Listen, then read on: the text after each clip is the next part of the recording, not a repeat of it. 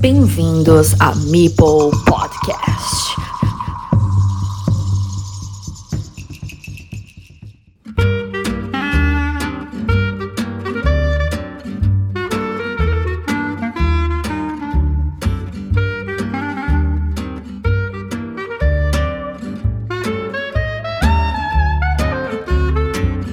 Estimada audiencia del podcast, en esta ocasión vamos a entrevistar a una persona que dobla la edad de algunos de los miembros más jóvenes de la comunidad y de los oyentes que sintonizáis a la carta este canal sonoro.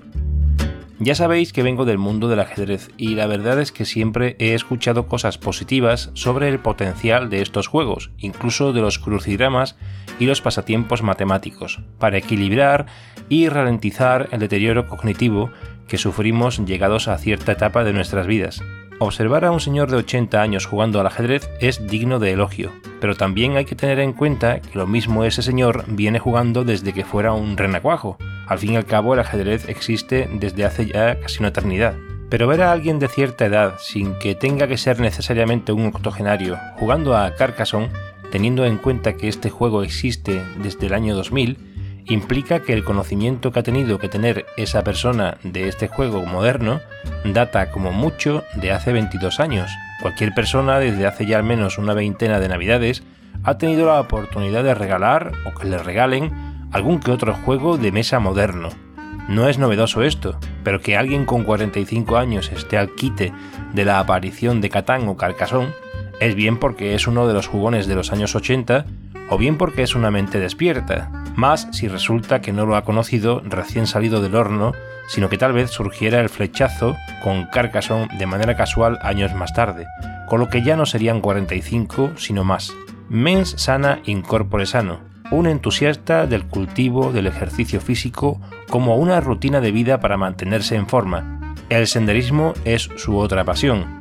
Catalán de buen gusto, joven de espíritu y también de edad, como que no. Ferran Martín, bienvenido a Mipel Podcast. Hola, buenas tardes. Se hace camino al andar, pero el camino al andar se presenta o tiene muchas vicisitudes y bifurcaciones. ¿Qué hay de tu vida? Bueno, pues nada, eh, sí se hace camino al andar y los caminos tienen bifurcaciones, complicaciones y el carcasón en esto es como la vida. No siempre tienes las mejores losetas en la mano, pero hay que jugar con lo que tienes e intentar siempre hacer la mejor jugada. En la vida es lo mismo, no siempre dispones de las mejores herramientas para afrontar las situaciones, pero te las tienes que ingeniar. Y al final son decisiones, como en el carcasón. Tiras para aquí o tiras para allá, haces esta o haces la otra. Y a veces en la vida no hay marcha atrás. En el carcasón no pasa nada, es un juego, pero en la vida es un poco más complicado. Pero sobreviviendo, siempre sobreviviendo. Tengo entendido que tu interpretación de nuestra presencia en este mundo a efectos de salubridad viene definida o contempla tres niveles. Dos de ellos son la salud física y mental, pero hay otra tan importante como las otras dos anteriores. Háblanos de las tres y cuenta a la audiencia del podcast qué haces exactamente para ser como eres y estar como estás. Yo me planteo mi vida en tres vertientes, la física, la mental y la emocional. La física es deporte, es ejercicio, es caminar mucho, es ir al gimnasio, es ir a la montaña, hacer senderismo.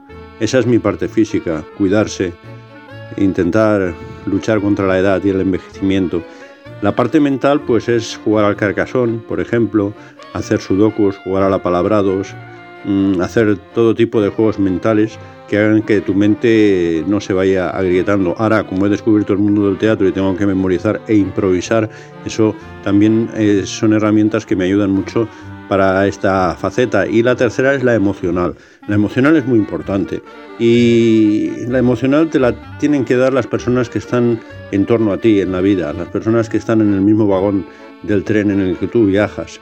Eh, que puede ser la familia, yo en mi caso, pues mi familia es corta, no tengo esposa, estoy divorciado, no tengo hijos, y entonces me rodeo, tengo la suerte de tener muchos amigos y amigas que me facilitan mucho la vida. Y es una alegría eh, estar con ellos, charlar, escucharlos, que me escuchen a mí. Y, y, además estoy descubriendo también en los grupos de teatro gente entrañable, muy maravillosa. Y esto es la parte emocional. Me gustaría que explicaras desde tu atalaya experiencial cómo ves ahora las cosas desde la cima, una vez has pasado por la inocencia de la juventud, la responsabilidad de la edad adulta en cuanto a lo familiar y a lo laboral, ¿Cómo se ve el mundo tras estas fases que casi lo ocupan todo en nuestra mente? ¿Cuáles son las metas ahora? Es decir, haciendo un símil con el juego de Klaus, una vez pasado el medio juego, y aún restando un tercio de las rosetas por salir, ¿cómo ves esta fase de la partida? Donde, sin que todos lo sepan, es donde más puntos se hacen y donde mejor hay que usar los recursos para sumar al final. Bueno, pues la vida a los 62 años, que son los que tengo yo, pues sí, más o menos dos tercios. Ojalá, porque eso sería eh, que me moriría con 93. Yo firmo, llegando bien, firmo. Se ve, bueno, se ve muy diferente de como lo, lo veía a los 31, por ejemplo. Eh, relativizas mucho las cosas, eh, saboreas más los pequeños éxitos y los fracasos, pues no los tomas como fracasos, sino como un aprendizaje, porque siempre tienes que estar aprendiendo, por muchos años que tengan. Eh, la perspectiva de no trabajar ahora, pues me permite hacer las cosas que no había podido hacer en mi época laboral, porque yo trabajaba en banca y dedicaba muchas horas a mi trabajo. Estoy muy contento de, de los compañeros y de los jefes que tuve, bueno, de todos no, pero de la gran mayoría. Y ahora pues eh, vivo para mí, para mí, para mis aficiones, para mis gustos. Sobre Carcassonne, ¿qué genialidad ha hecho posible tu encuentro con el juego de las 72 rosetas y cómo fue el enamoramiento? A mí me enganchó la, la, fiebre por el Carcassonne Carlas Escofet, que es una de las tres personas de referencia, luego hablaré de las otras dos, que está en el grupo, en un grupo de amigos que le llamamos Peña Gincamera, porque se formó a través de una gincama que organicé yo en Barcelona, bueno, de cuatro gincamas concretamente. Y Carlas Escofetes, bueno, pues está ahí en ese grupo y nos enseñó a su pareja, a María, a Maribel, a Marisol y a mí, que hemos ido a campeonatos de España, el juego este. Y la verdad es que, bueno, pues nos gustó mucho y poquito a poco fuimos aprendiendo y la verdad la experiencia de ir a algún torneo presencial y todo eso al principio te bueno te imponía mucho pero luego mm, dices bueno pues si no pasa nada es un juego en definitiva no vivimos de esto. Si te va mal te va mal y si te va bien pues fíjate yo la primera vez que gané un torneo en San Andrés de la Barca no me lo podía creer porque era un desconocido y la gente decía y este que ha venido aquí y ha ganado quién es este tío, tan mayor además, ¿no? y fue un, fue un subidón tremendo. Sí, sí, allí con los hermanos García, bueno, y, y gente muy buena del, del Carcassonne catalán. ¿Quiénes son para ti Pera Vives y David Bourdois? Bueno, pues Pera Vives y David Bourdois son para mí dos referentes del Carcassonne. Pera Vives tuve la suerte de, de compartir con él la vivencia suya de cuando quedó campeón de España, aún recuerdo el día perfectamente, la vuelta de tren a Barcelona y lo alucinado que estaba y lo alucinados que estábamos todos, porque realmente fue sorprendente. Luego ya se demostró que no era tan sorpresa, porque se había preparado mucho y había mejorado mucho su juego. Y la verdad para mí es uno de los mejores jugadores, no, no de Cataluña ni de España, sino del mundo. Y David Bourdois, pues lo mismo. Para mí es un estratega, un tío frío, calculador, que vence la presión y yo pienso que lo tenemos que ver en un mundial dentro de nada. Tengo la suerte de poder entrenar con él de vez en cuando y, cada día aprendo, aprendo de él porque me explica cosas que yo a, a primera vista no, no veo. Además de las anteriores personas que has valorado, háblanos de otras de tu entorno presencial de Carcassonne que te vengan a la mente y comenta algo sobre ellas que sea digno de merecido reconocimiento. Esa luz que brilla en cada persona y que en cada uno es distinta.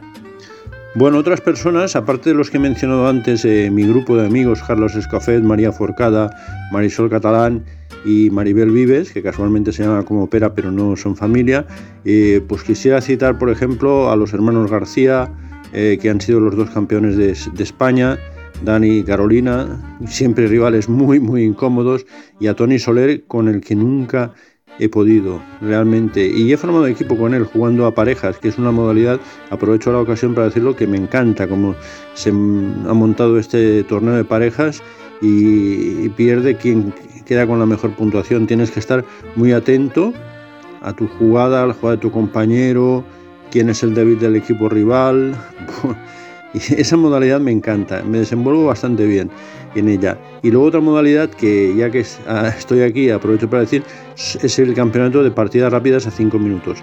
Tuve la suerte de poder disputar el de Cataluña, no quedé mal y, bueno pues eh, también me acuerdo ahora de Nuria Casanovas, jugadora Fepla en la BGA con un futuro brutal. Otra que tenemos que ver en ese dentro de poco. Diría que algunas lenguas del entorno de Carcassonne.cat le dan mucha importancia a tu participación en sus incursiones organizativas. Diría más por lo que representas como ejemplo de hábitos, dado que no tienes ni 20 ni 40. Y esto enlaza con el comienzo de mis preguntas sobre la salud cognitiva.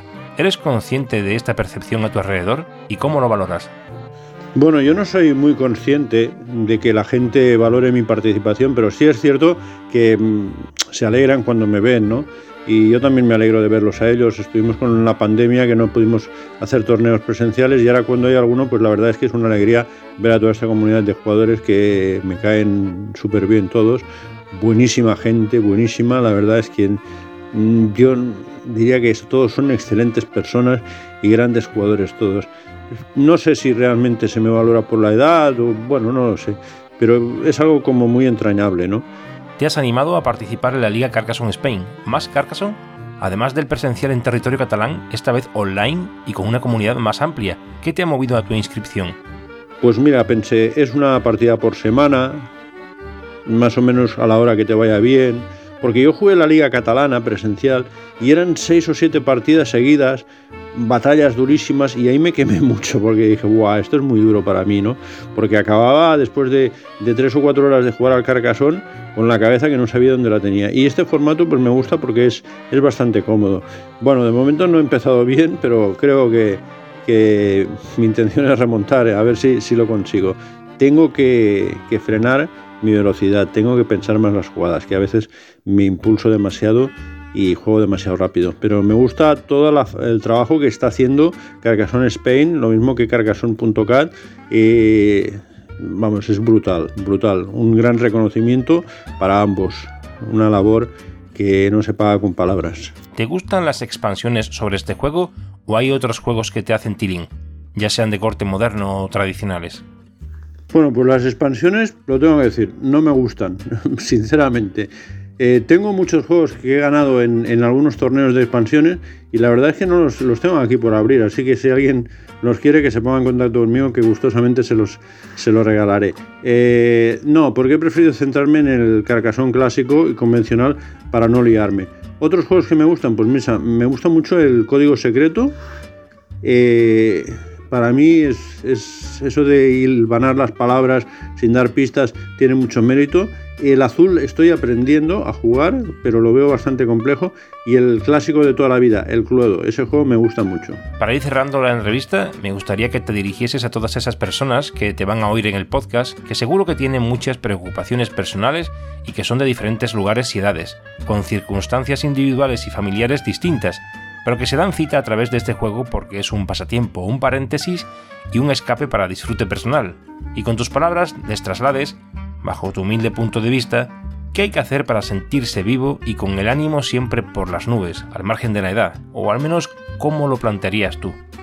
Bueno, y un último mensaje para toda la comunidad carcasonera que me estará escuchando, espero que sea mucha gente, decirles que nada, que aprovechen cada día de su vida porque cada día es único, es irrepetible.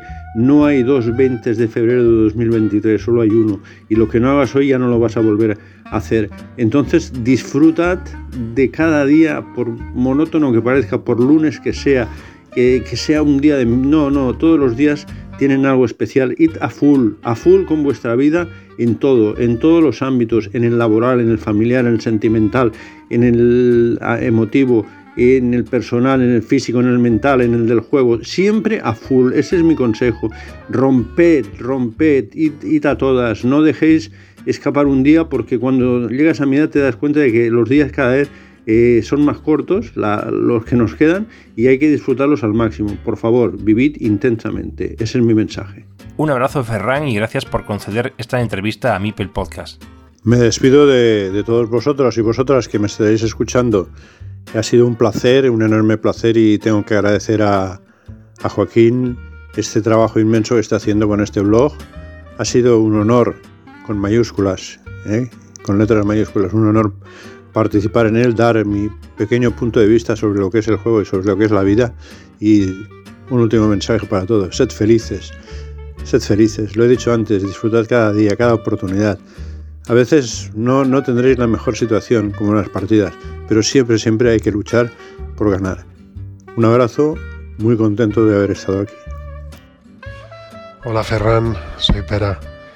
Pues nada, que sepas que, guardo un gran recuerdo de, de aquellos días en los que me ayudaste a entrenar para, para mi primer mundial. La verdad es que era una experiencia que me asustaba mucho y quise jugar eh, partidas con cronómetro, intentando simular la casuística del mundial y, faltó tiempo para que me dijeras que me, que me echarías una mano y la verdad es que te lo agradezco mucho. Y que sepas también que, que echo de menos que nos crucemos por torneos.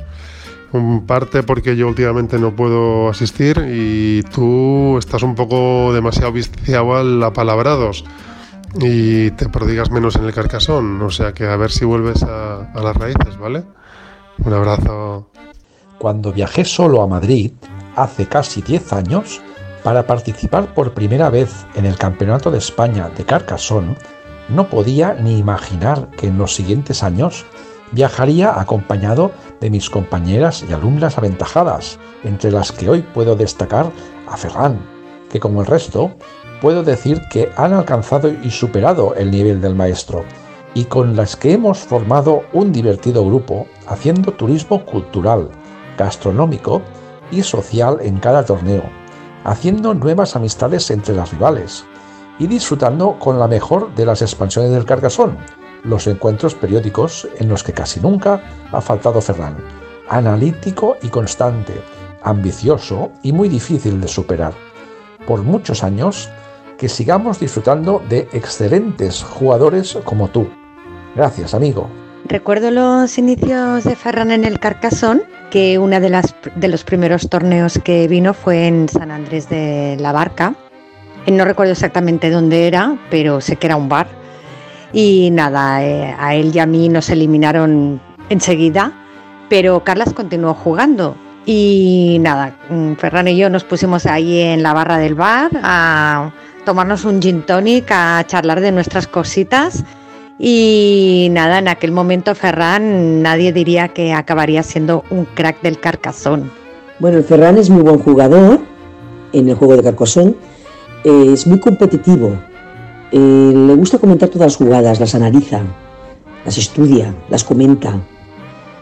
Hemos ido a Madrid, a campeonatos, con María, con Carlas, Marisol, y siempre voy con él en el coche. La verdad que es que me gusta mucho, porque hablamos de muchas cosas.